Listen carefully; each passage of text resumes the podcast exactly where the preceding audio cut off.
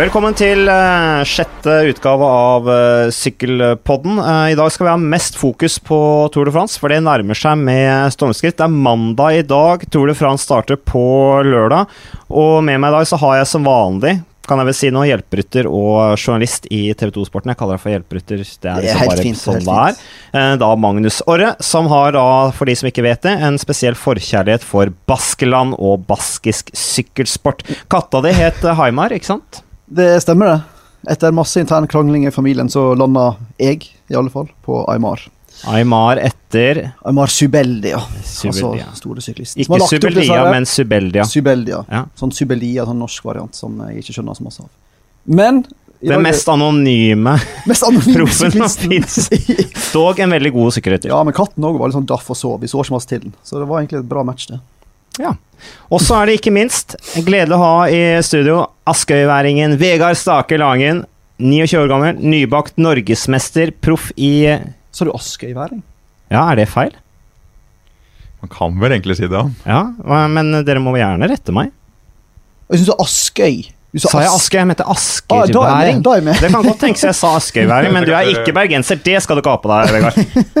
Askebøring er det vel eh, det som blir sagt. Da. Ja, vi eksperimenterer litt eh, her på, eh, på podkasten. Men det viktigste er at du er nybakt norgesmester. Gratulerer med det. Det smakte godt, helt sikkert. Og så er du proff da i UAE Emirates. Det, du skal ikke kjøre Tour de France? Stemmer det, ja. Det er hele treningsperioden nå, ja.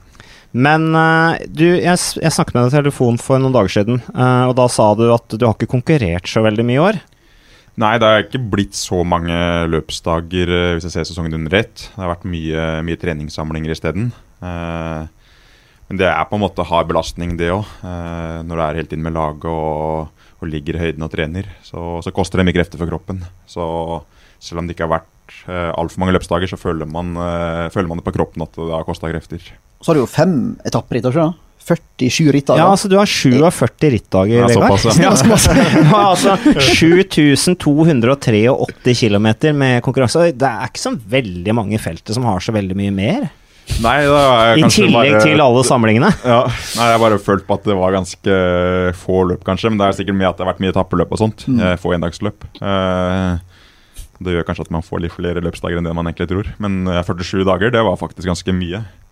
Eh, så da kan det bli fort en del når sesongen er over, ja.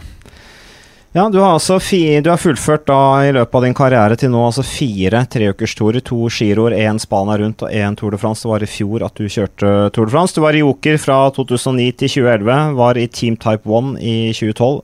Over til Bretagne, Sesh som det het den gang, eller Sesh et eller annet. Eh, det som nå er Fortoneo, fra 2013 til 2014. Tilbake i Joker, over i IAM. Uh, hvor du var da i 2016, og så da UAE fra 2017-2018. Uh, eh, Vegard, min oppfatning av deg er at du er en skikkelig arbeidshest. Uh, du er en stayer. Uh, du er veldig seriøs og hardtarbeidende type. Uh, og karrieren din den har jo ikke vært Den har ikke gått på skinner. Altså, hvis jeg nå tenker Du ser på lagene dine. Det har vært mye utfordringer med lag som har lagt ned. Team Taiwan som bare fant ut at plutselig de skulle bare ha utøvere som hadde sukkersyke, ja, eller altså diabetes. Ja, ikke sant? Du, du, har hatt en del utfordringer under, underveis. Ja, det har på en måte vært litt, uh, litt småtøft, egentlig. Uh, men jeg har på en måte kommet over i, i worldturen, så føler jeg at det har blitt lettere. Uh, der er det mer behov for, for hjelperyttere. så det er egentlig det jeg har sett, at på, på pro-conti så er, er, det mer utfordringer og ikke ha så mange resultater selv. Det er lettere å bli satt press på og kasta ut, ja. Men sånn som det er et lag du er på et bra lag, da, IM f.eks., ja. og det ser tilsynelatende veldig bra ut, ja. og så plutselig blir laget lagt ned. Ja. Og du står der med all den usikkerheten. Hvordan tenker du da? Nei, vi var heldige og egentlig fikk, uh, fikk, beskjeden tidlig. Jeg husker vi fikk beskjeden uh, på villdag nummer to i giroen. Uh, så da hadde man egentlig ganske god tid til å se etter nye lag. Og så husker jeg for min egen del så hadde jeg akkurat blitt nummer tre på en tempoetappe der. Så jeg hadde egentlig allerede begynt å få andre lag som var interessert i meg. Så jeg hørte at laget skulle legges ned, så syntes jeg selvfølgelig det var dumt, men jeg tenkte at uh, det er fortsatt mulig å være på worldtur. Så det var på en måte betryggende å, å vite det, da. For det er jo uh, en del folk som blir litt satt ut av en sånn situasjon og ikke klarer å fokusere like Absolutt. mye og kanskje deprimert osv., men det virker som at du klarer å holde deg gående og tenke positivt. Ja, nei, det er på en måte utrolig mye å si det at man får nye lag på banen som, som viser interesse. Jeg hadde jo lagkamerater som, som ankom Vueltaen det året. og ja, De hadde prøvd å finne nytt lag, men de fikk bare beskjed om å vente. og Da er det klart at det er hardt for hodet, og det går fort ut, ut, utover nattesøvnen. Ja. For det var jo usikkerhet også med Lampre, eller UAE også. De ja. sto jo også en periode egentlig uten sponsor, før ja. da UAE kom inn i bildet og redda hele greiene. Det var jo egentlig en kinesisk sponsor som skulle inn der. Stemmer det. Det var egentlig mye usikkerhet der, men da var det kanskje ikke alt som kom fram i media. Men jeg husker innad i laget så så følte jeg egentlig at det var nesten så, så laget ble lagt ned. Eh, Normalt sett så har man ofte en samling eh, på høsten. Vi hadde vel egentlig en liten samling, men så ble det på en måte helt stille etterpå. og Vi skulle egentlig fått sykler og alt, men eh, da fikk vi beskjed om at eh, Colnago de låste syklene inne eh, i påvente av eh, at de hadde bankgarantien klar fra, fra laget. Eh, så, så det var vel egentlig rett før jul, tre, sånn tre, tre, dager før jeg skulle på juleferie hjem til Norge, at en sportsleder kom kjørende med sykkelen min eh, ned til NIS. da, eh, Og da hadde de fått klarsignal om at det var i orden med, med UAE. ja. Og nå har du akkurat vært uh, i Dubai, var det det? Ja, stemmer. Uh, og kjørt rundt i, med privatsjåfør i Lexus uh, og greier. for øvrig, hvordan er hverdagen i UA etter inntreden fra Kristoff og Bystrøm? Nei, eh, jeg syns det er veldig bra i laget. Skal jo sies at eh, jeg, det er faktisk NM var første løp jeg kjørte med med Kristoffer Bistrøm i år. Og sist gang jeg så de, det var på Cecilia i, i desember. Så, mm, så jeg har på en måte ikke fått trent så mye og konkurrert med de, egentlig. Eh, men jeg syns det hjelper å få, få laget litt mer internasjonalt. og Alex og, og, Sven er to gode ryttere, og de er med på en måte å, å få laget frem i riktig retning. Så det, det, setter jeg pris på. Kan jeg bare skyte inn et spørsmål? Ja, fyr løs, Du sykler jo mest med Fabio Aro, i alle fall i år. Ja. Hvordan er han å samarbeide med, og hvordan var det i giroen når ting begynte å gå um, ja, én vei?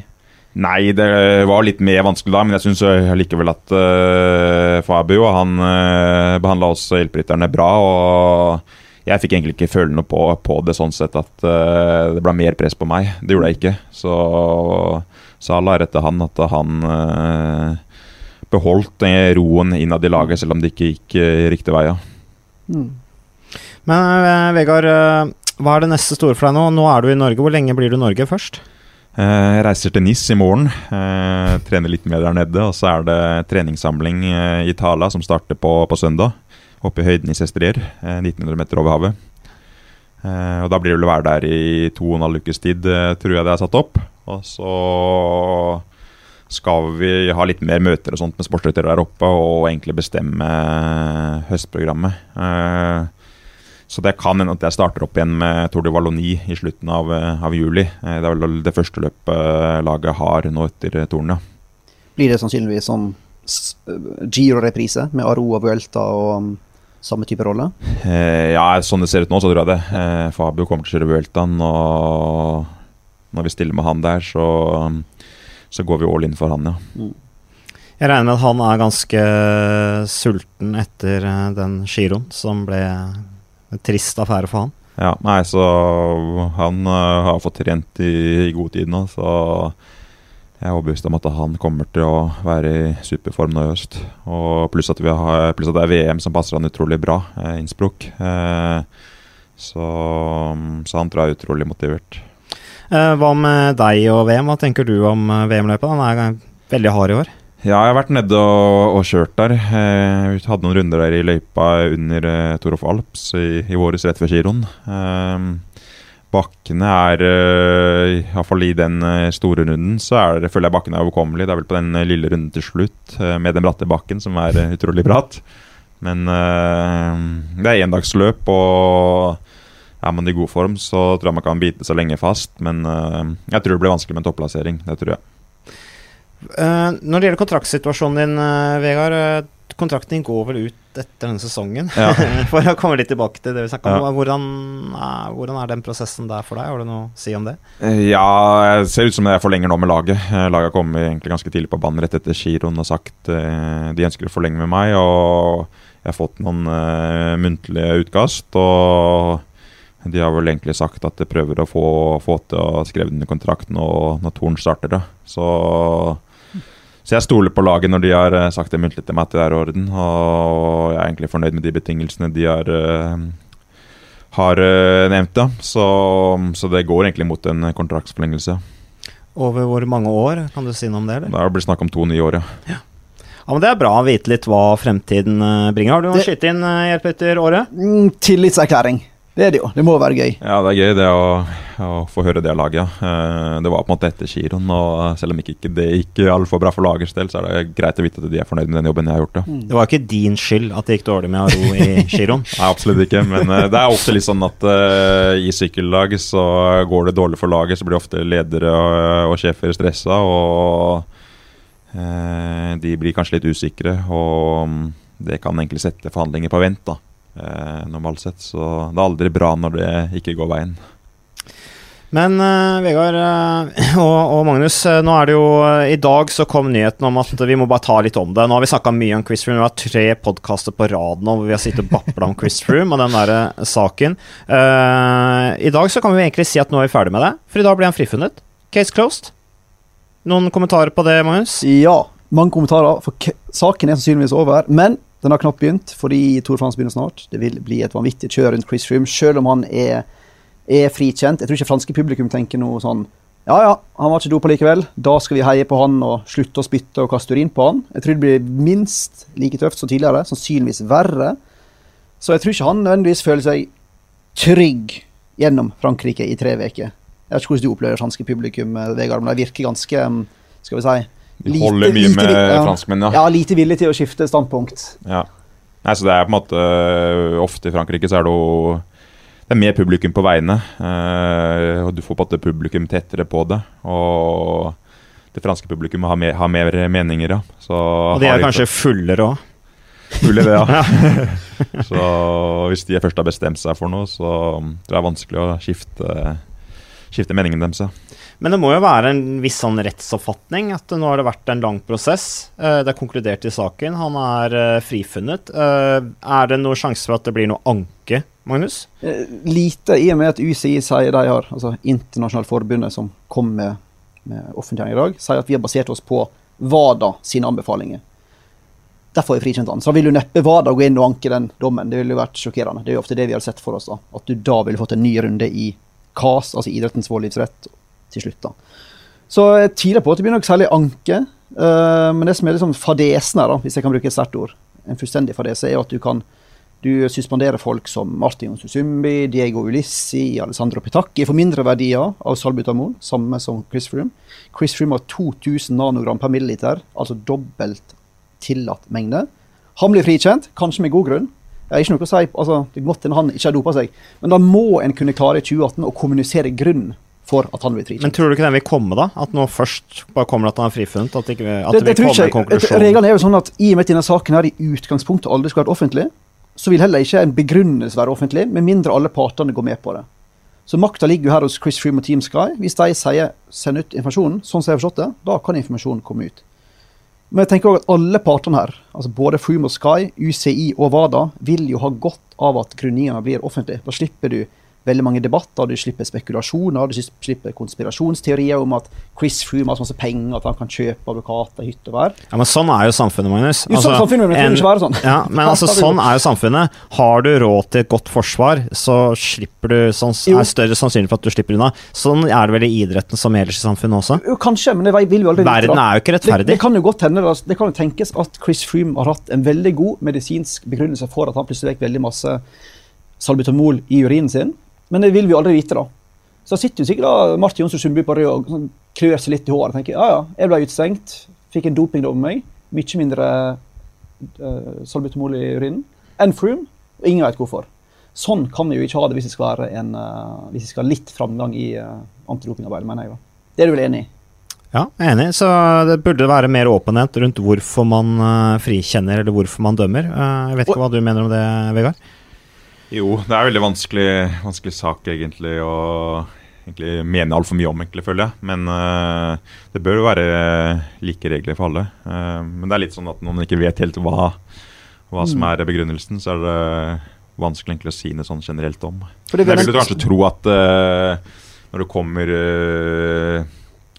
nytt år og ny antidopingliste, så står det kanskje mer spe spesifisert eh, med det virkestoffet, da, hva som eh, er tillatt og ikke tillatt. For sånn som det har vært nå, så er det på en måte eh, De sier vel eh, hvor mange doser du kan ta i, i døgnet. Og så har det på en måte vært litt usikkerhet kanskje om hvor mye faktisk kroppen eh, tar opp, ja. Men er det sånn, ja, hva vil du si, Ja, fordi UCI setter seg i en utrolig vanskelig situasjon. da. Hva skjer når neste utøver eh, tester positivt for 1800, eller 2000, da, samme som Froome? Mm. Kan han da forvente å bli frikjent av fordi testen er, er ikke god nok? Eller handler dette bare om Froome sin metabolisme og hans, hans måte å ta opp salbutamolen på? Umulig å vite, da. Nei, men det er det jeg sier. Du Så vi må ha et godt Diego forsvar. Må, det, er, det er helt Ja. avhengig helt av forsvaret ditt. Altså Det hvor fullt mulig. mye For det er jo nærliggende å tenke at mange, sånn som jeg ser Ross Tucker, som er en sånn, for de som følger veldig med, er en sånn her, skal vi si, en sånn eh, Om ikke antidopingekspert, så i alle fall en, en lege som har veldig peiling på eh, Fysiolog. Fysiolog, kanskje. Som sier at han, han kjenner mange tilfeller i astmasaker der utøvere ikke har råd til å forsvare seg skikkelig, og får et tilbud om ta fire-fem måneder, eller kjøre sakene videre og risikere å få to år. De har ikke penger til å ta saken videre, og gå med på en sånn si, sånn litt lettere dom. da. Hvis det er tilfellet her, at det rett og slett bare er pengene som rår, jeg har ingen bakgrunn for å si det, men hvis det er tilfellet, så er det fullstendig katastrofe.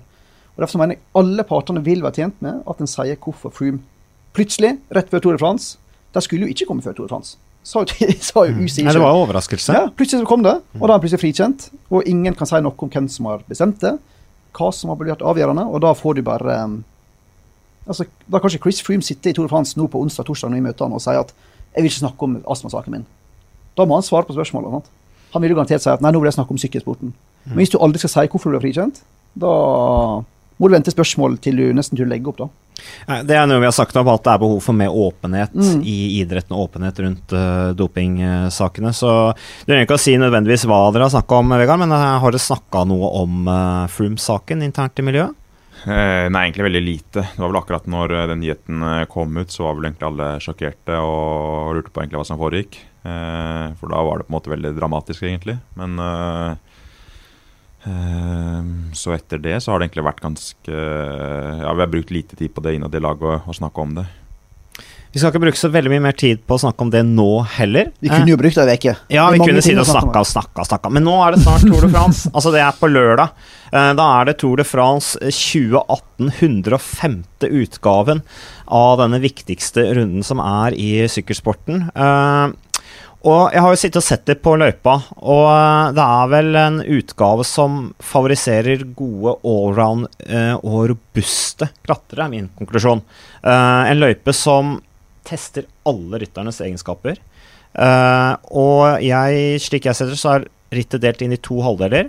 Da med en eh, hviledag eh, som liksom legger et skille i, i rittet, etter da niende etappe.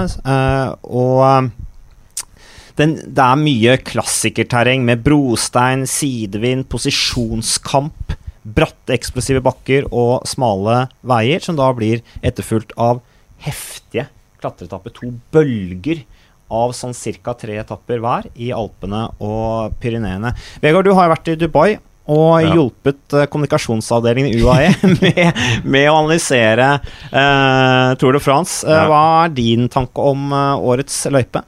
Nei, det er en litt uh, utfordrende løype. Særlig første uka er litt uh, annerledes enn det man kanskje har sett tidligere. Uh, allerede etappe nummer tre er jo lagtempo. Så det er mange lag som er nervøse for den, vil jeg tro. Pluss at etter hvert så har du en del flate etapper som, er, som jeg syns ser veldig vindutsatt ut. da. Og litt senere så har du også den ene brosteinsetappen. Så den første uka i år er, eh, er veldig krevende og er viktig å komme seg helskinna gjennom. da, Uten å ha tatt for mye før hele tatt eh, fjellene begynner. Det er jo fem flate etapper som kan, kan ende i samlet spurt, men det er veldig vindutsatt. Uh, uh, og så er det da altså førsteetappen, som jo er en vanlig fellesstart, så det kommer til å bli helt vilt. Der blir det masse velt på oppløpet. Ja, og i kampen om den gule trøya, sånn som vi spår de gangene det har vært Mm. fellesstart om første etappe, det, det, det gjør jo at det blir en ekstrem spenning. Ja. Jeg vil tro det, pluss at det er attraktivt å være i bruddet da òg. ta bondesekunder underveis. eh, ha en bra plassering der sammendraget på, på, på grunn av den måten. Så, så det blir egentlig en spennende etappe med, med kamp fra start, vil jeg tro. Og så er det altså eh, Du nevnte Cholet Cholet, denne lagtempoen. eh, Hvem blir vinnerne der, tror vi? Tror Det blir ikke noen- UAE. Nei, det Jeg tipper Team Sky, Orica, BMC, de tradisjonelle lagene, for å si på den måten, vil skille seg ut. Og Quickstep Movies har også er gode, da. Men jeg tipper at Orica, BMC og Sky kanskje blir de sterkeste. Ja, det er nok de tre der du sier det.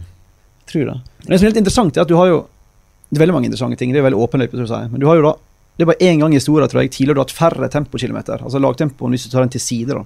Så har du bare den 31 km-etappen på etappe 20, blir det vel. Og der har du til og med bakke på 900 meter med 10% stigning. Så det er veldig sånn, det er ikke akkurat en Tour de France for de utprega temporytterne. Altså det var i 2015 når det er færre, eh, faktisk. Pluss at du har brostein, pluss at du har vind, pluss at du har masse fjell. Så det er sånn utrolig åpen løype som sammenfaller med at du har et veldig sånn åpent mener jeg, favorittfelt. I at du ikke har så veldig mange Du har ingen sånn klar ener, kanskje bortsett fra Froome. Men i og med at Froome og Dumoulin sykler Giroen, så på en måte synker de bitte, bitte litt på sånn toppfavoritt. Pluss at du har Quintana, Nibali og Bardet og Port som ikke har Giroen. Og så den fordelen, da. Veldig åpen løype med veldig åpent favorittfelt. Det kan bli utrolig, utrolig gøy, da. Jeg tenkte vi skulle ta litt om favorittene når vi har tatt litt mer om, eh, om løypa. Men jeg ser på etappe fem. Det er også litt sånn Kan vi si at er det en overdrivelse å si at det er et mini Amstel Gold Race? eh, Vegard, jeg vet ikke hvor mye du har sett på det, men uh... Det er iallfall en etappe som er, eh, er ganske kupert, ja. Jeg har bodd oppe i Bretagne tidligere, så en del av de byene der jeg kjenner ganske godt. Og eh, Men jeg tror kanskje veiene de er nok uh, hakket lettere å manøvre seg på enn enn i Amstel, ja. Det er ikke så, så mye svinger, uh, mener jeg å huske. Det lukter Peter Sagan, jeg skjønner. Michael Matthews Hvis han er i form, da. Litt sånn usikker på den formen til Michael Matthews. Han er nesten bedre på tempo enn han er etter spurten. ja. Han er god på alt som masse, han. Men uh, ja, ja, Sagan, Matthews, Gaviria. Ikke det? À la Philip. Ja, Van Avermaet. Mange. Men det er interessant. Van Avermaet. Du har Richie Port, som, som folk sier at det er nå eller aldri nå har de muligheten, i og med at Froome sykla Giro. Han er i kjempeform. Kan da van Avmat, som hjelper til Port, komme og si den prosentappen den vil jeg vinne, eller den spurten der vil jeg Eller må han ligge på en måte og passe på på Tyler-veien? Hva sier du, Vegard? Nei, jeg tror alltid at du får noen eh, muligheter til å gå for, uh, for etappeseieren. Det er såpass viktig løp Tour de France, og en etappeseier henger utrolig høyt. Så det er fortsatt eh, mange andre igjen på laget om, om det er en som skal få muligheten en dag. Ja. Så eh, håper for hans del at han får muligheten. Det kan bli spennende. La oss si at uh, på Brosteinstappen, hvis de bare går rett fram til etappe ni hvis, altså Uran har jo med seg Sepp van Mark og Taylor Finney, som er gode på Rosteinen. Richie Porter og Greg van Avmat, f.eks. Hvis vil de automatisk få beskjed om at dere skal sitte med dem hele veien hvis kapteinene deres detter av? Eller får de mulighet til å liksom bare stikke litt i forveien og ta tapseieren? Du kan få en interessant konflikt, iallfall i BMC, der du har et lag som kanskje ikke fortsetter, folk ute av kontrakt, folk har signert nye, nye lag. Gidder da van Avmat å ofre seg helt for Port? Eller gå for etappeseieren og hederen sjøl? Spør du meg, så tror jeg van Avermaet går for seier på Tror etappen. Hvis selv om eventuelt Port ligger i sørpa og kaver på brosteinen på vei til Robé. Da tror jeg Port blir ganske sur på den hviledagen, selvfølgelig. Men ja. Du ser litt betenkt ut, eh, Vegard. Hva tenker du? Du ser litt bekymra ut nå med tanke på eventuelt utfallet. Nei, det blir alltid litt sånn når, når lag slutter, så er det, blir det litt mer interessekonflikter. Og Jeg merker du det på dine egne lag? når de Jeg husker i hvert fall fra EM eh, i Vuelta i Spania det året. Ja. så var det litt sånn eh, Ble det litt mer sånn nervøs, men da var vi egentlig heldige at vi hadde ikke noen eh, sammenlagt rytter. Og vi ble egentlig enige om at alle skulle eh, få muligheten å, å gå for brudd, så da løste vi egentlig det veldig fint. Men uh, på et lag som BMC nå, med en så klar kaptein, så så kan det jo på en måte bli litt, uh, litt utfordringer, og da spesielt på, på brostein, der det kan skje mye velt. vilt. og man er avhengig av kanskje å ha litt mer hjelp. da. Med regn så kan det jo bli rene blodbadet. Altså 20 km brostein. Uh, alle disse her usikre klatrerne, og særlig Richie Port, som er litt spesielt redd og engstelig. Han er, går til psykolog, og du sier en klar kaptein, men Richie Port har jo aldri vunnet en treukerstur.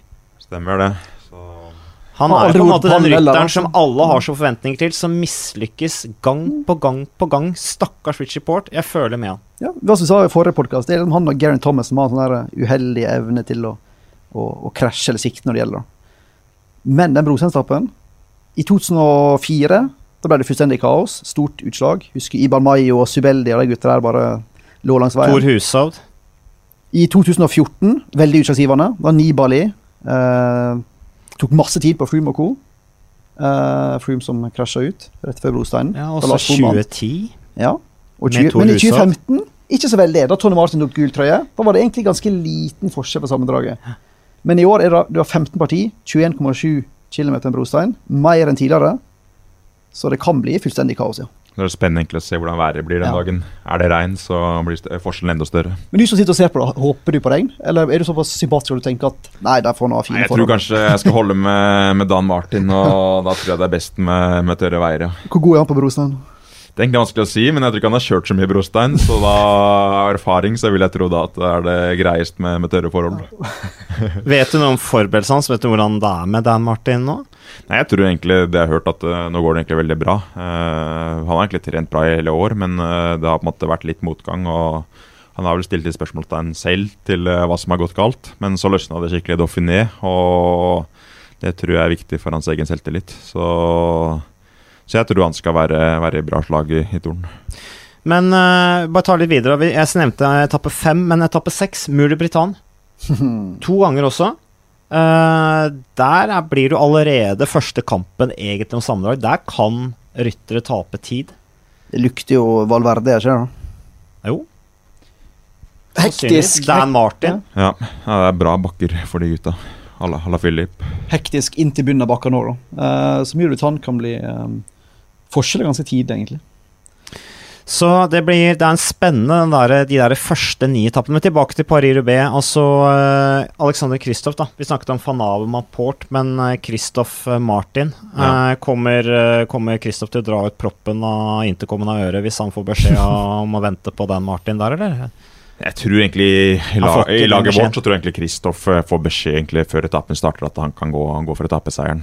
Eh, jeg føler egentlig det er sånn det ligger an i laget. Jeg føler at laget går egentlig for en veldig bra plassering med, med Dan Martin i sammendraget. Det er ikke normalt sett ikke for å vinne Torn, så vidt jeg har forstått. Eh, så, så det som gjelder der, er å få han tror jeg, kanskje opp på podium, men da hadde laget vært eh, veldig veldig fornøyd med, med årets stor. Eh, og så er det egentlig kanskje etappeseier egentlig laget først og fremst eh, sikter mot. Eh, Dan Martin i fjellene og, Kristoff da på, på etapper som eh, Brosteinen. Altså det er, det er altså liksom første ni etappene, Noe mer å legge til der, Magnus, annet enn at det kommer til å bli hektisk med sidevind. Brosteinsetappen, Mur de Bretagne, Gamper-etappen, etappe fem. Altså Jeg tipper du har eliminert 33% av sammenlagtfavorittene før du kom til første hviledag. sterk påstand. Er du Ja. enig i det, Vegard? Jeg tror egentlig det er mye som kan skje, og så er det Været er på en måte Det er spennende å se hvordan det blir. Det her er, går i nordøst, eh, nordvest i Frankrike, værutsatt, eh, nærme Atlanteren.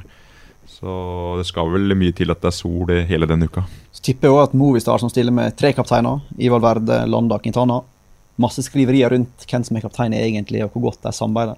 Tipper den konflikten løser sjøl i den første veka. At ja, om ikke Landa taper ned tid på brostein, hadde det ikke overraska meg. Eller Quintana, for den saks skyld. Valverde tror jeg fort kan sitte i gult etter de første ni etappene. Han er god på brostein.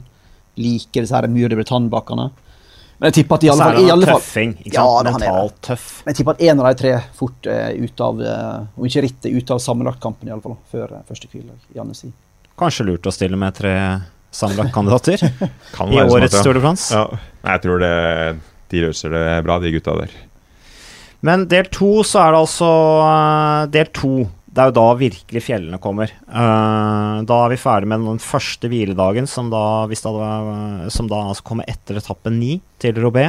Da er det altså to flate etapper som gjenstår, etter mine beregninger. Mm. Uh, det er da inkludert etappen til Champs-Élysées og Paris. Eh, det er to ganger tre dager med Alper og Pyreneer. Eh, og etappe ti, allerede som går fra Annecy til Grand Bornat, så er det denne grusveien de skal opp. De skal opp Col de la Rome, de skal opp Col de la Colombier. Eh, så har du etappe 11, eh, som da etterfølges av en litt lengre, denne, en litt lengre etappe 10, og så kommer da etappe 11 som er kort, bare 108 km med fjell fra første tråkk. Så har du etappe 12. Kan jeg bare skyte et spørsmål Ja. til Vegard? Disse korte fjelletappene, som det er masse sånn hype rundt for tida, Ja. er de så mye verre enn de lange fjelletappene som folk snakker om? At det er så masse kaos og tempo fra første meter og Jeg tror nok det er mest uh, for spurterne at det er eh, stress med, med korte etapper. uh, fordi har, uh, lange og harde er på en måte hardt for klatrerne likevel. Så Hva foretrekker du, da? Nei, jeg får egentlig det lange. Da har man litt mer å gå på mot slutten hvis man har gjort en jobb for laget. Eh, her på de korte så er det egentlig de beste kjører fra i første fjell, og resten må egentlig bare holde øye med klokka. Ja, for det kan fort bli en del eh, Du husker jo Demar og Francede Sjø som røyk på tidslimiten i fjor. Det kan fort bli en del spurter som ryker på Altså du har to HC-sting før ja, fem mil. Mm.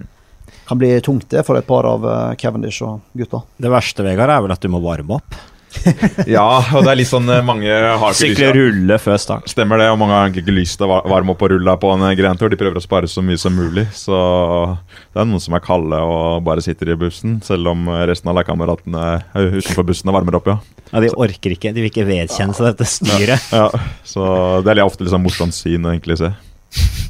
Men etter en etappe 11, da, som er kort, med, som Vegard sier, altså veldig utfordrende, særlig for de som sliter, har dårlige dager, tunge, kanskje har mer enn nok med å henge på det som eventuelt en, kommer til å bli en gruppetto. Der vil det jo eventuelt bli en gruppetto ganske tidlig, men da er det etappe 12, med da Col de la Madeleine, Col de la Croix de Fer, og så Alpe d'Huez. Altså Her kommer det en trio som kommer til å gjøre svært vondt. Men det som gjør det, da, som ikke gjør det noe bedre, det er at de tre etterfølgende etappene de er jo tunge, de også, mellom Alpene og Pyreneene. For da har du altså Du har en mulig da spurt til Valence på etappe 13, og så har du da to etapper i Massif Sentral da med med muligheter for utbruddene. Etappe 14 går til Mand, avsluttes med en kategori 2-stigning. Og etappe 15 til Carcassonne, med da toppen av en førstekategori, da Pic de Nord, som altså er 40 km fra mål. Det er liksom ikke Det er ikke flust av muligheter for uh, spurterne her, altså. Nei, og Den etappe eh, 15 til Carcassonne lukter jo litt sånn Er ikke det sånn Nibali-landskap, da? Angripe på toppen her og så prøve å holde unna ned i bunnen. Eller Litt, kanskje litt langt. Litt langt, 40 km fra toppen. Jeg vet ikke, Vegard? Nei, det spørs litt hvordan den utforkjøringen er. da Jeg har ikke sett helt på, på de svingene som kommer etter toppen. Da er det smalt og svingete, så er det alltid muligheter. Eh, selv om det er langt. Men eh, det er nok kanskje litt i, litt det lengste laget. Så husker vi òg den til etappen dagen før, da, der Cummings vant for noen år siden. Altså, det er forskjell av den òg, den bratte bakken på slutten der. Så du har ikke tid til å hvile så veldig masse, nei. Og så er det gjerne varmt. Det er tungt, folk er, er slitne, de gruer seg. Uh, så det er ikke noe sånn lett transport da mellom uh, Alpene og Pyreneen. Så er det da en hviledag, men etter den siste hviledagen så er det altså eh, Den siste uken så er altså fire av de siste seks etappene kan påvirke sammendraget. Du har to flate etapper som gjenstår. Da er det etappe på, som er en klassisk spurtetappe, på etappe 18, og så er det da siste etappe inn til Paris. Men det er altså tre store dager i Pyreneene på etappe 16, uh, hvor det er en heftig utforkjøring til mål. Det er altså fra eh, Den går da altså til uh, Banier de Luchon. Eh, og fra toppen av førstekategorien, da den Col de Portillon, er det bare 10 km rett ned til mål. Det, Heftig! det er Nibali. Det er Nibali. Litt mer enn den forrige. kanskje. Eller kanskje, kanskje Froome, som i fjor. Ja, altså, hvorfor avskrive Froome? Jeg, jeg eh, avskriver ingen. Og trekker fram Åssen er du utforkjøringene, Vegard? Nei, jeg går vel for å være hva skal jeg si, ikke god, men eh, jeg er vel ganske sånn eh, medium, føler jeg. Eh, jeg prøver å unngå å ta de største sjansene, for det, det går utrolig fort eh, når de beste eh, setter utfor. Bank i bordet. Du har klart deg ganske bra gjennom karrieren din, uten altfor voldsomme velt. Ja, eh, det har nok ja. litt med at jeg er ganske forsiktig. Jeg har på en måte hatt eh, noen, noen velt, men eh, det har gått, eh, gått relativt bra. Eh, Så du har på en måte ryttere som eh, Matej Mohoric, som kjører veldig fort. Og jeg trener ofte noen ganger med han i NIS, men øh, øh, jeg, jeg egentlig bestemt meg for å ikke ta så store sjanser som det han gjør. Ja. Selv på trening så tar han store sjanser. Det hender, ja. For han må på en måte få inn teknikken. Så da må man kjøre fort på trening òg, ja. Han, Han, er jo en av verdens beste er verdens Han var plassen bak deg på etappen i Catalonia for øvrig. ja tok opp jakta. Ja. Men er han, er han gal? Altså, han, han går så fort utfor at det er så stor forskjell mellom han og resten av verden. Er han bare helt eh, fryktløs? Eller er han bare teknisk vanvittig god? han er teknisk god, og så har han på en måte også, også velta, en, eh, velta en del. Mm. Eh, så han er på en måte Hva skal jeg si, sier selv at han på en måte vet hvor, eh, hvor grensa går. Ja, ok. At han har på en måte uh, kjørt så, såpass mange ganger fort og, og kjørt ut av svingene at det nå så, Sitter. så sitter det, ja. Husker jo sånn som Samuel Sanchez var, gikk for å være kanskje best sammen med Savoldelli en del år der. Han feiga helt ut på slutten. Han krasja et par ganger, og, da, og så hadde han familie hjemme, så sa han bare sånn at dette her er ikke verdt lenger. Så han bare, han, til slutt så var han egentlig bare sånn average. Men Mohoric blir bare raskere og raskere nedover. ja. Så han er uh, ubehagelig å ligge på hjulet til. Hvor mange bein har du brukket i løpet av karrieren? Nei, har heldigvis ikke br- brukket noe. Bank i bordet. Ikke kragebein? jo? Nei? Bare, bare Du, skrubbsår. Du er altså ikke syklist. Sånn som meg. Jeg har heller aldri brukket kragebein. Eller Alex eller Dagot? Ja. Ja, men jeg støtter deg på det. altså Du har, du har hatt en bra karriere til nå. Det har gått bra. Du har, og jeg mener det koster mye å gå på trynet. Altså, kanskje det siste lille du holder igjen der. Ja. Du, du, du taper litt grann krefter, men uh, går du på trynet Det er ikke noe særlig. Det er litt om å se an eh, situasjonen. Kjemper du om seier, så, så kan du liksom gi gass. Men uh, sitter du i feltet, eller da spesielt gruppettoen, så, så syns jeg det blir unødvendig. Man hører også om det i feltet, at det der uh, går noen ganger velt i den gruppettoen. Eh, det får kanskje ikke TV og sånt med seg, men det kommer noen ganger ryttere på laget med skrubbesår inn, inn i bussen. Og det blir litt dumt å høre hvordan det har foregått at det har vært, vært i gruppettoen. Ja. Men over til løypa igjen. Eh, etter den etappe 16 så kommer altså den korteste normaletappen på 30 år ca. etappe 17. 65 km lang eh, da til Saint-Larry-Solan. Med en eh, Det er altså to førstekategoristigninger, og da mål på toppen av en høykategoristigning, da Col de Porti, som altså er 16 km opp til da 2215 eh, meter. Det blir en eh, relativt intens uh, etappe. Tror vi Det at den kommer til å bli veldig avgjørende? Sannsynligvis, ja. Jeg tror det nesten er kulestappen. Altså, Brostein er alltid gøy, da. For du får så utrolig masse rart som skjer. Men sånne korte etapper, sånn som vi har sett i Dauphiné de siste åra, og i, og i Tour de France for så vidt, er utrolig underholdende. I hvert fall for oss som eh, publikum, som eh, slipper å vente fire og en halv time før det faktisk begynner å skje noe. Folk stikker med en gang, og du får en del, ofte litt sånn der suicidalsk angrep òg. Folk som bare tenker at ja, det er bare seks mil, så her er det bare i bånn gass, og så er du stiv før du har kommet opp til første bakken. Så det er en av de etappene jeg gleder meg aller mest til i året Tour de France. Vi har jo sett i Spania rundt og Vegard, at disse korte etappene har gjort voldsomt utslag. Eh, hva syns du? Liker, liker du det? Konseptet? Ja, det er jo gøy det for TV-seerne at det er mer som skjer. Eh, men kanskje for ryttere så, så gir det mer utfordringer. Eh, med at man må ha en bra dag. Har du en dårlig dag eller kanskje har noe skade fra en velt eller sånt fra tidligere, så, så gjør det livet surt, egentlig. Kort sagt. Men uh, det blir i hvert fall en veldig avgjørende etappe. Og så er det da etappe 18, som da er den siste fjelletappen, som da går fra Lourdes til uh, La Rune, som er 200 km ca., med seks kategoriserte stigninger, inkludert Col d'Aspé, Col de Tourmalet og Col d'Abysse. Noen skikkelige klassikere. Eh, som da etterfølges av denne 31 km eh, tempoetappen som går i Baskeland, i ditt terreng. Yes, Men kan vi slå fast at etappen til Larun er liksom kongeetappen? For Det er veldig diskusjon Det er alltid liksom én kongeetappe som er identifisert tidlig når ruta skjer. Men i år har det vært noen mener at det liksom er Alp Duez-etappen, noen mener Le Grand Bournat, noen mener Larun. Den der er kulest, jeg skjønner. Etappe 2019, mener jeg. Med Tourmalet og Aspin og disse her, liksom. Ja, for hva er egentlig kongeetappen i Tour de France i år? Ja, jeg mener det må være den der. I og med at du har Obisk, Aspin og Tourmalet. Og den er såpass lang, og du har hvor mange, det er seks kategoriserte stigninger. Tredje siste dagen. Det syns jeg er kongetoppen. Har du noen favoritt, Vegard? Noen etappe du gleder deg spesielt til i fjellene? Uh, nei, jeg tror kanskje det er den 19. etappen ja, som vi snakker om her nå. At uh, det er såpass sent. Og da vil man uh, mest sannsynlig få se den endelige avgjørelsen.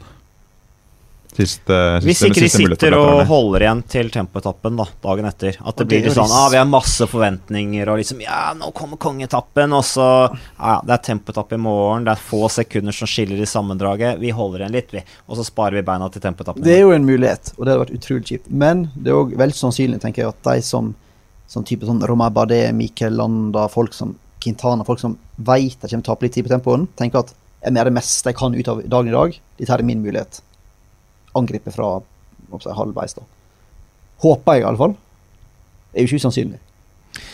Nei, så vi, og så så vi jo Vi så jo giroen i år, da. Disse Mm. kollapsene. Det kan jo også skje i, i, i Tour de France i år. Altså, vi har vel maken sett eh, den type kollapser i feltets historie. Det var helt spesielt. Ja, det var eh, sykt å oppleve det når man selv satt der. Da kunne vi nesten ikke tro det man så, at, eh, at de, de som var satt såpass høyt oppe, plutselig kom tilbake i gruppe 1. ja. Ja, det, vi Ja, vi snakker om. Simon Yates, vi snakker Mm. om Thibaut Pinot, som altså kollapset fullstendig. Og det, og det er jo litt sånn rart når du sitter der i, i, i Italia rundt feltet, så plutselig sitter Men Simon Yates, er du her, liksom? Det er sånn Du bare lurer på om han er krasja eller uh, et eller annet har skjedd. Uh, for det er på en måte såpass mye han taper. Og når han ble henta igjen, så går det så sakte. Så det er bare så tydelig å se at han har gitt opp helt. Og uh, da tenker man først og fremst at her har det skjedd en ulykke eller et eller annet. Da. Du glemmer jo òg Esteban Chávez kollapsa fullstendig tidlig. Så det var tre av dem. Thibaut Pinot, som kom med en sånn medisinsk grunn med at han hadde 40 feber. og Ja, har, lungebetennelse? ja, det det? lungebetennelse og hele pakken. Så han blir alltid syk. Ja. Så den er på en måte grei. Men Yates og Chávez har vi egentlig, de har begge sagt litt sånn Vet ikke helt hva som egentlig skjedde. De bare, De bare fikk det, de. Bare fikk det. Yates har vært innpå at han kanskje var litt for aktiv i første halvdelen. At han gikk for litt for mange etappeseiere istedenfor å på en måte holde litt igjen. da. Men du taper jo ikke sånn 40 minutter bare på det, tenker jeg. da. Så spennende Men, å se hva- eh, men nå blir jo den avsporinga å komme inn på Ja. Italia rundt, da, men det er jo interessant for så vidt. 19. etappe i Tour de France er ekstrem hard. Vi så noen voldsomme kollapser i Giro Italia. Det kan skje igjen. Eh, bare en sånn liten refleksjon, Vegard. Du som kjørte Italia rundt, brukte Yates for mye krefter? Vanskelig egentlig å si. Jeg var kanskje ikke så mye framme på slutten av etappene og så helt hva som foregikk. Eh, men eh, jeg føler ofte at de, de samla-gutta, de, de kjører nesten maks hver dag. Og så tenker kanskje ikke så mye på hva som kommer neste dag. Eh, de er såpass bra restitusjon. Jeg tror det er kanskje det som gjør, gjør dette en god, god samla-rytter, at du har eh, overliggende restitusjon kontra andre. da. Vi får jo satse på at det går bedre med Adam Yates, som jo skal kjøre Tour de France som suveren da, kaptein i, eh, i uh, Michelin Scott, uh, som uh, altså valgte å utelate Caleb Ewan som spurter. Og han hadde jo på en måte bygd opp hele sesongen sin til Tour de France. Ja, det var vel mildt sagt en skrell. Hm? Han har snakket om det i to-tre år nå. Vi venter med Tour de France med Caleb Byen, for vi skal ta det liksom i, i 2018. Da får vi muligheten. Og så kommer det to uker før. Og så. Nei. Den er brutal. Hva tenker du, Vegard? Eh, skal vi være litt slemme og spekulere på hvorfor? Er det fordi han sannsynligvis skal over til Lotto Sodal? Det er nok eh, kanskje sant, det, ja. Um, jeg husker jeg kjørte Slovenia rundt eh, rett før. Uh, da var også de på plass der med, med spurtlaget for Torn. Og jeg kjenner han igjen der, Roger eh, Kloge fra hjem. Uh, han er normalt opptrekkeren hans, og også han var på en måte forberedt for, for Torn. Og lagt opp uh, sesongen etter det. Så det var ikke bare Ca- Caleb Ewan som fikk et sjokk uh, når uttaket kom. Så litt rart at de gjør det på den måten at de har opptrekkstoget og, og spurteren klar, og så i siste sekund så forandrer de på alt. All in for uh, sammendrag og Yates der også, men eh, 31 km tempoetappe i Baskeland, altså. Eh, ikke for de rene temporytterne. Uh, klatre som fremdeles har krefter igjen, kan ta tid, eller kanskje tape mindre tid enn vanlig, kan vel si da. Og da snakker vi klatrere. Da klatre det er jo fremdeles Froome, Demoulin osv., men det er jo da litt mindre, sånn som Quintana, sånn som da kan i hvert fall se fram til å tape litt mindre tid enn det han ellers ville gjort. Ja, det er jo som du sier, det er, det er jo to faktorer som spiller inn til at det er en fordel for de som ikke så gode på tempo. Kommer seint til Store Frans. Da skiller det mindre, sier de som sykler, i hvert fall. At, at uh, rene tempospesialistene er ikke så overlegne som de som har god restitusjon på slutten, pluss at den er kupert. Så jeg tror nok uh, Quintana, iallfall Bardet, så svakt som han kjør, kjørte på tempoen i sist tempoen i fjor, er ekstremt takknemlig for at det er et par bakker inni der, iallfall. Det, men det var det jo i, ja, det var det fjor òg. Etappen i Marseille Jo, var jo det for så vidt sant, han beinhard. Det var bare at det var ikke noe saft igjen i beina på stakkars Bardet. Så Men det, det er bra. Chris Froome, Tom Dumoulin-greiet her, altså. Så Men hvor store forskjellene blir utrolig vanskelig å spå nest siste dagen i Tour de France. Så masse kan ha skjedd. Men jeg tror det kan utelukke folk som så Tony Martin tenkte ja, den her skal vi ta.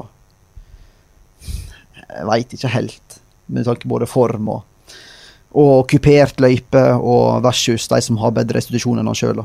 Så um, jeg tipper at du får Chris Froome som vinner en topp. Enig i det, Vegard?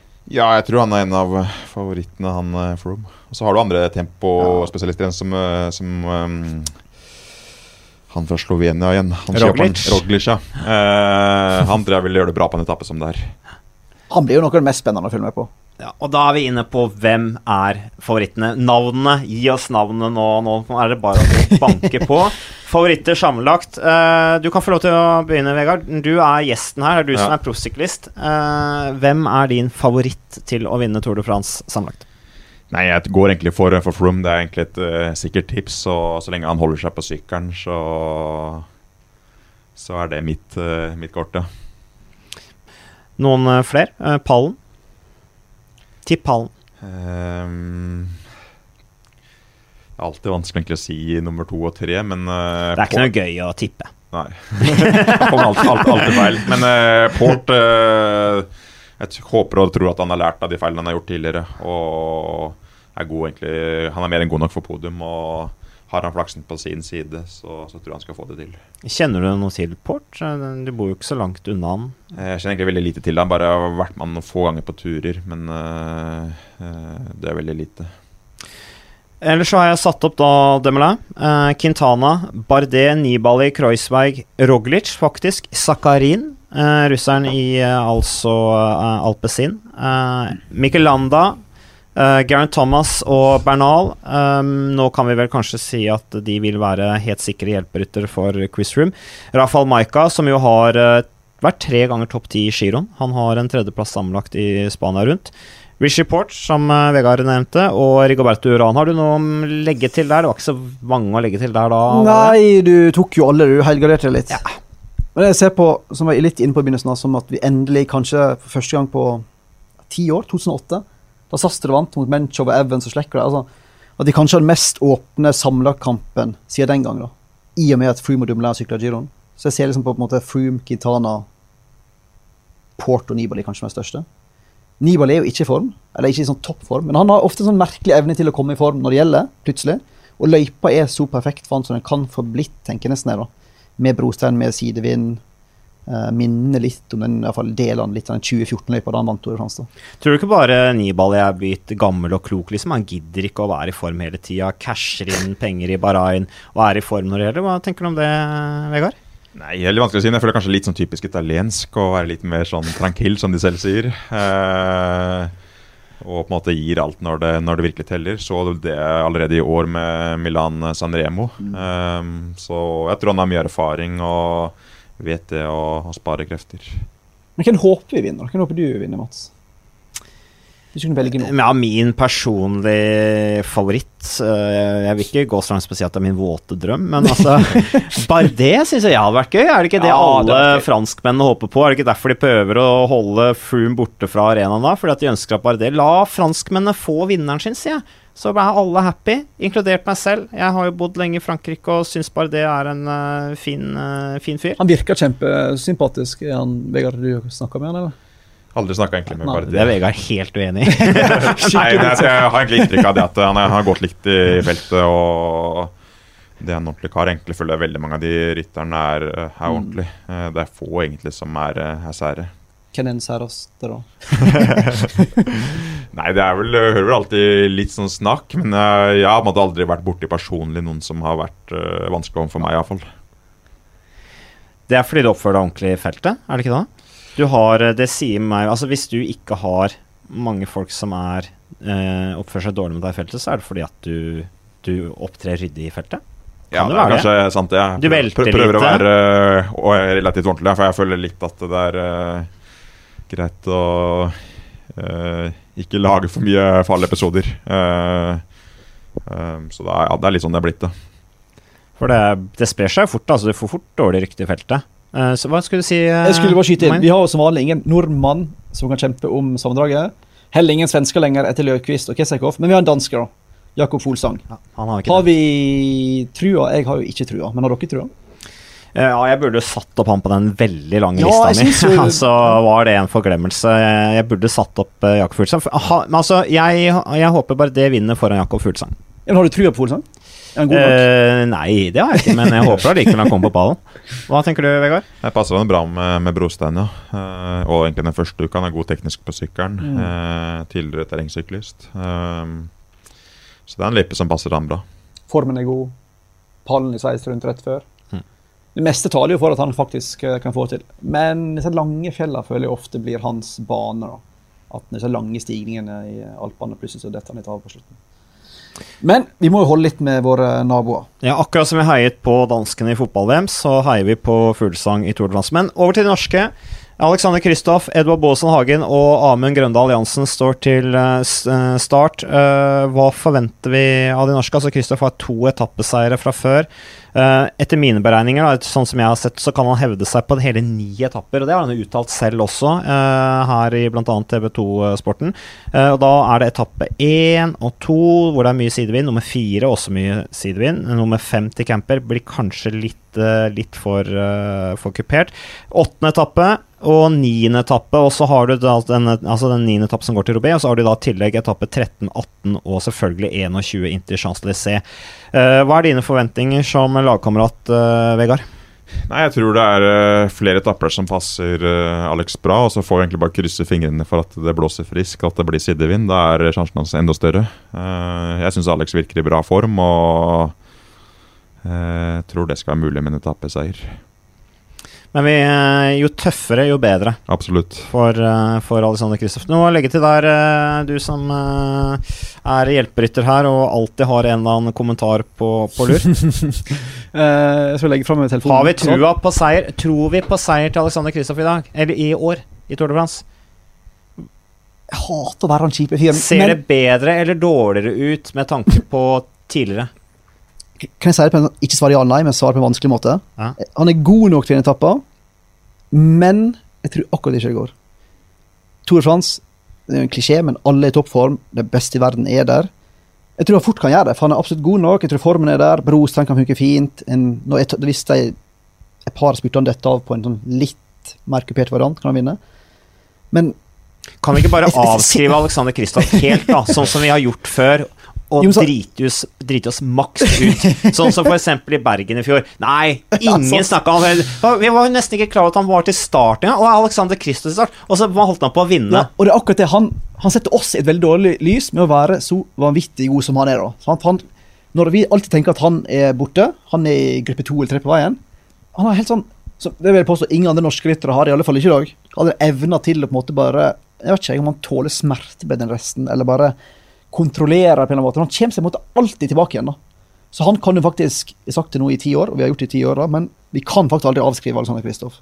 Så om han vinner to-tre etapper, har det ikke overraska meg. Men jeg tror at folk i samme kategori som meg sjøl, som Sagan og Gaviria, er litt for raske.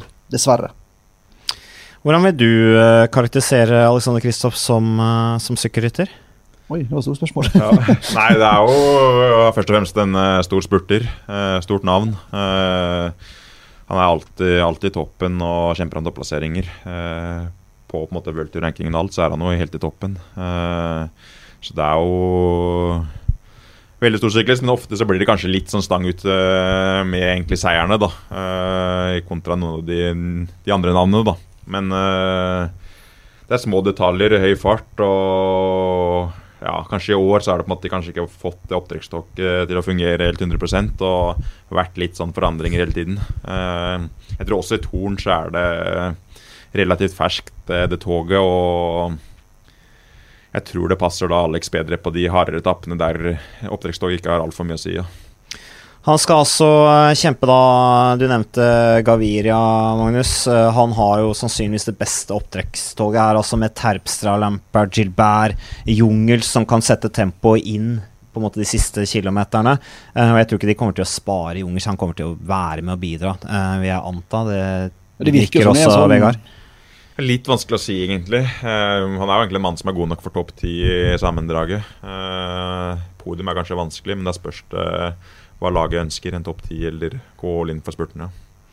Og så er det altså Han skal da kjempe mot uh, Kittel, uh, Gronewegen, DeMar, uh, Bohanni, uh, Cavendish, Greipel.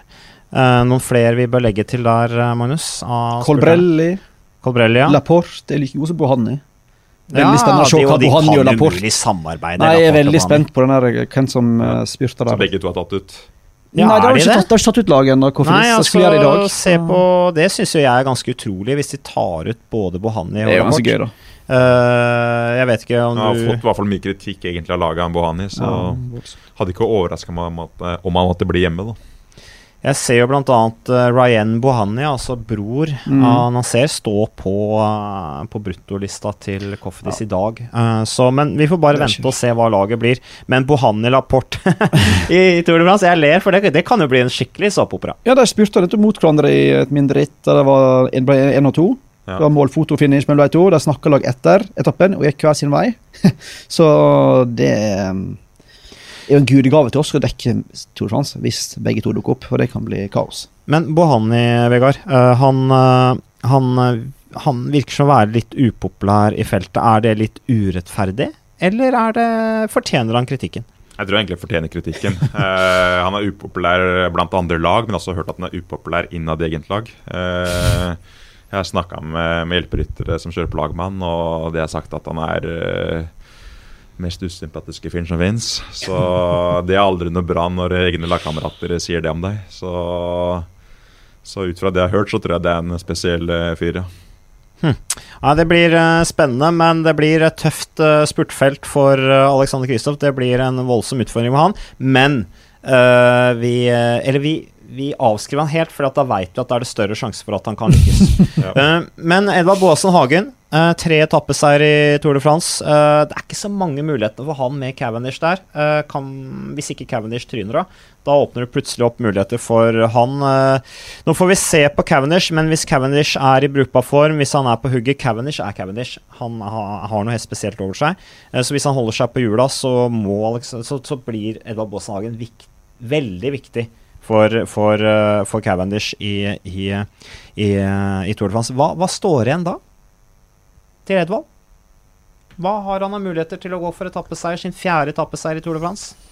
Det er jo brudd, da. Eh, det kommer vel noen uh, bruddetapper der. Eh, sånn, Garantert. sånn, sånn som i fjor, ja. Så er jo der han på en måte virkelig skinner. Ja. Etter Alpene og før Pyreneene. Etter Alpene og før Pyreneene er det kanskje en mulighet eller to? Det er ikke så mange, da. Nei, det er ikke det. Det er litt færre enn sånne klassiske 100% bankers bryddetapper. Jeg har satt opp etappe 9, eh, etappe 13, som går til Mm. Valence, etappe 15 til Carcassonne, selv om den er kupert, altså. Eh, da skal han være i veldig god form. Eh, etappe 18 til på, men det er jo avhengig da at Caven Cavendish er ute. Eh, eventuelt hvis det går et brudd og han kommer seg med der. Og så selvfølgelig sjanse til å se, igjen avhengig av at Cavendish er ute, da. Eventuelt at Cavendish ikke er i form. Eventuelt. Virker litt bak Han har vært litt bak skjemaet hele året, i og med krasj og krasj og krasj. Det har jo hele laget vært. Ja. Men eh, så hvis han er litt bak skjema, så er jo Cavendish såpass glad i Edvard Bosenhagen at han kanskje sier at du, jeg er ikke i nærheten, prøv sjøl. Hva tenker du om det, Vegard? Det blir kanskje de første etappene de må få sett, og hvis det ikke går veien der, så er det kanskje lettere for Cavendish å, å gi Edvald sjansen. Grønn trøye, hvem vinner den? Dumt spørsmål. Det mest ledende Ja, spørsmålet. da, da kan vi jo svare litt uh, bingo. da, Si gavir jeg, da. Å ja, du gjør det, ja? Ja, jeg vet ikke om jeg står inne for det, men bare sånn for å skape diskusjon. da. ja men Han er, jeg tror han er største utfordreren til Peter Sagan. i alle fall. Ja, nei, det er nok uh, I år så er det kanskje litt mer åpent da, enn det det har vært tidligere. Så kanskje ikke så dumt spørsmål likevel? Det, er på måte- Gaviria og ja, det er jo mest sannsynlig Sagan, men uh, Gaviria er på en måte het navn, og han er fortsatt ung og tar hele tiden store steg, så man kan jo virkelig skinne i torn. Ok, skal vi, da går jeg for Bohani, jeg, da. og klatretrøya, den er jo så vanskelig å spå at det er nesten Men det kunne kanskje vært noe for Dan Martin? Ja, men jeg føler at han går mer alltid for, eh, for finalen. Uh, skal du ta klatretrøya, så må det ofte tidlig brudd på de klatreetappene. Uh, men det er sikkert litt avhengig av hvordan det sammendraget går, vil jeg tro. Uh, nå først og fremst så går han all in for sammendraget.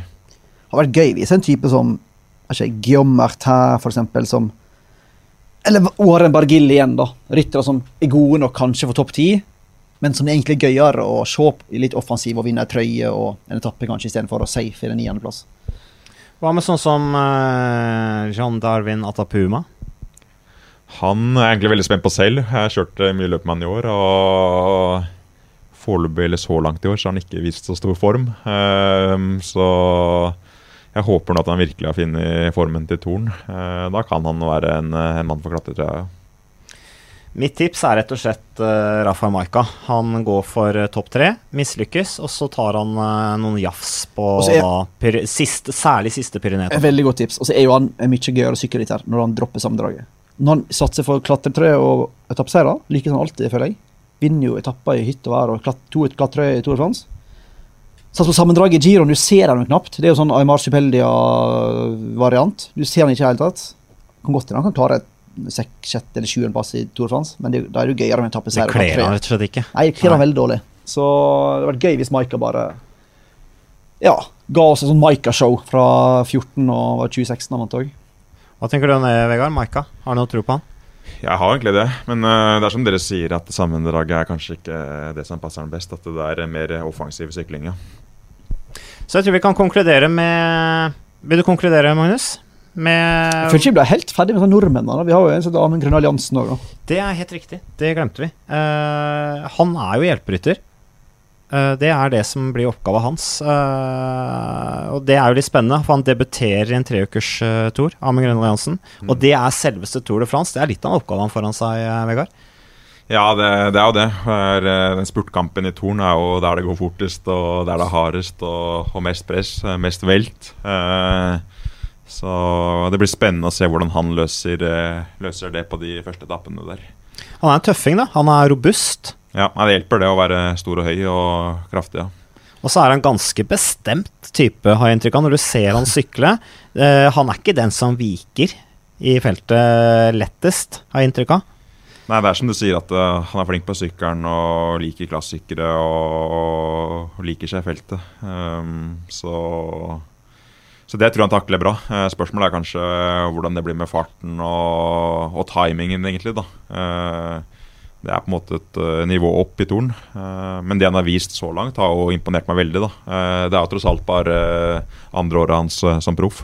Så han tar store steg hver dag. Og det er ikke noe hvem som helst han skal kjøre hjelperytter for. altså Dylan Grøneveggen er kanskje den beste spurteren til nå i årets sesong. Jeg vet ikke hva du tenker om det, Magnus? Nei, jeg er helt enig. Han er kanskje en kanskje den raskeste av alle, faktisk. Sånn I en sånn streit spurt uten Hvis du satt opp fem spurtere på ei strak linje og spurte 200 meter fram, kanskje raskeste.